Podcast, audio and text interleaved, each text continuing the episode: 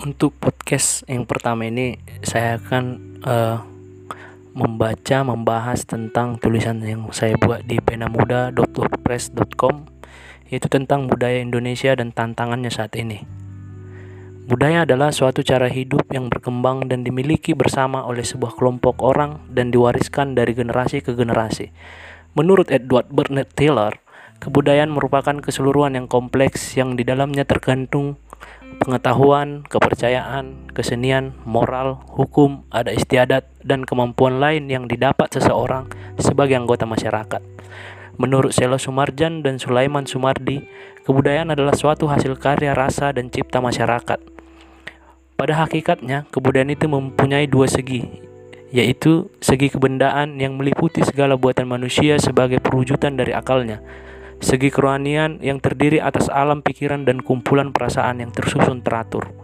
Keduanya tak dapat diraba, hanya penjelmaan saja tetapi dapat dipahami dari keagamaan, kesenian, dan kemasyarakatan. Kebudayaan adalah keseluruhan cara hidup, baik pemikiran dan praktek yang tidak dapat direduksi menjadi sederek ciri yang seolah esensial.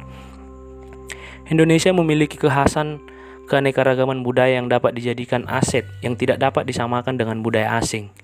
Indonesia juga memiliki potensi warisan budaya yang sangat besar karena Indonesia adalah negara kepulauan terluas yang dihuni lebih dari 300 suku bangsa, memiliki 742 bahasa dan dialek, merupakan laboratorium antropologi terbesar di dunia.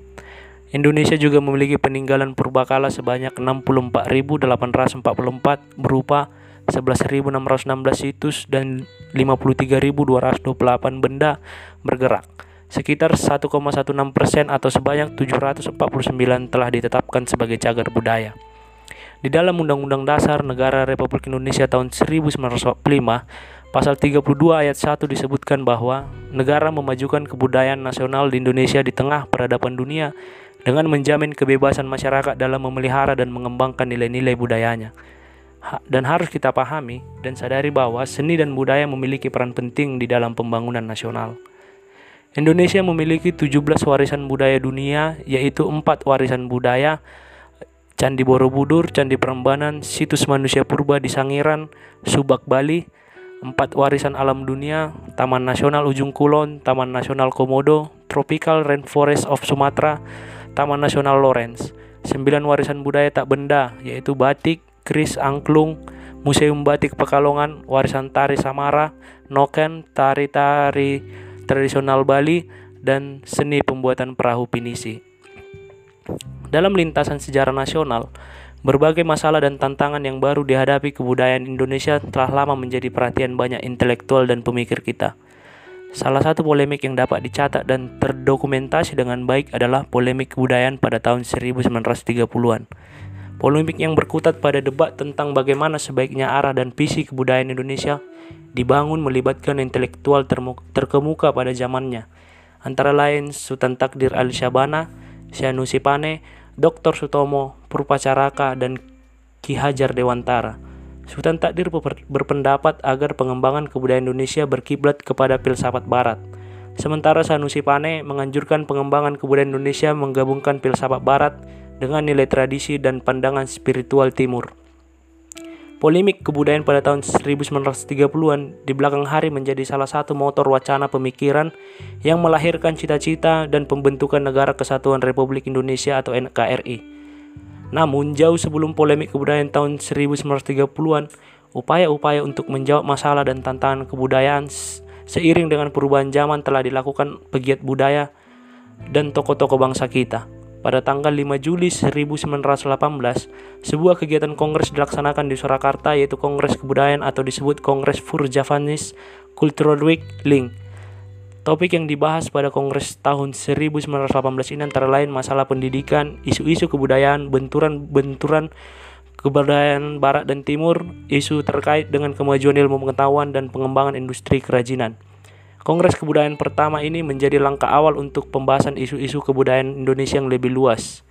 Nunus Supardi atau peneliti sejarah Kongres Kebudayaan mengatakan Indonesia memiliki tiga sejarah di bidang budaya dalam kaitan menumbuhkan kesadaran berbangsa yaitu 1908 berdirinya Budi Utomo, 1918 Kongres Kebudayaan pertama, dan 1928 yaitu Sumpah Pemuda. yang kita bahas yang kali ini adalah tentang tantangan budaya Indonesia saat ini. Modernisasi dan globalisasi sangat berpengaruh pada banyaknya tantangan yang dihadapi masyarakat Indonesia, tidak terkecuali tantangan yang dihadapi budaya Indonesia saat ini. Tantangan yang dihadapi budaya kita salah satunya adalah ketahanan budaya Indonesia menghadapi dan bersaing dengan budaya luar. Akibat dari globalisasi terjadi krisis kebudayaan yang masih melanda Indonesia yang berdampak pada melemahnya jati diri bangsa, perubahan sosial, dan sebagai dampak globalisasi menimbulkan berbagai macam permasalahan sosial budaya Indonesia. Oleh karena itu, eh, pemerintah dan DPR pada tanggal 27 April 2017 mensahkan Undang-Undang Nomor 5 Tahun 2017 tentang Pemajuan Kebudayaan. Dalam undang-undang tersebut pasal 1 mengatakan pemajuan kebudayaan adalah upaya peningkatan ketahanan budaya dan kontribusi budaya Indonesia di tengah peradaban dunia melalui perlindungan, pengembangan, pemanfaatan dan pembinaan kebudayaan. Usaha pemajuan tersebut dilaksanakan terhadap ekosistem dari 10 jenis objek pemajuan kebudayaan, yaitu tradisi lisan, manuskrip, ada istiadat, ritus, pengetahuan tradisional, teknologi tradisional, seni, bahasa, permainan rakyat dan olahraga tradisional. Sehingga dengan disahnya, disahkannya Undang-Undang Nomor 5 Tahun 2017 tentang Pemajuan Kebudayaan dapat memberikan dampak yang luas untuk ketahanan budaya Indonesia dan dampak ekonomi serta pembangunan secara nasional. Terima kasih, itulah uh, podcast saya untuk yang pertama ini. Selamat mendengarkan.